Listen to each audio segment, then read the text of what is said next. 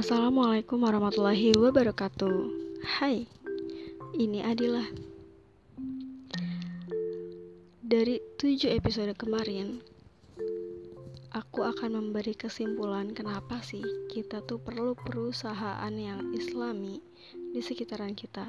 Kenapa kita butuh produksi yang islami di sekitaran kita. Aku akan jabarin yang pertama adalah a place of worship yaitu corporate sebagai tempat ibadah, corporate sebagai arena jihad. Seperti yang sudah dijelaskan di episode sebelumnya, bahwa menafkahi keluarga itu seperti jihad visabilillah. Lalu yang kedua adalah a place of wealth, yaitu tempat mengelola perusahaan untuk meraih kekayaan, tempat mewujudkan kesejahteraan, lalu mewujudkan falah dunia atau akhirat.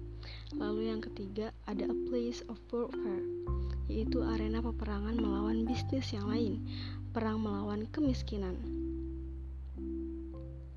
Sudah jelas bahwa perusahaan Islami ini menjadi solusi di tengah-tengah banyaknya perusahaan konvensional yang ada di Indonesia.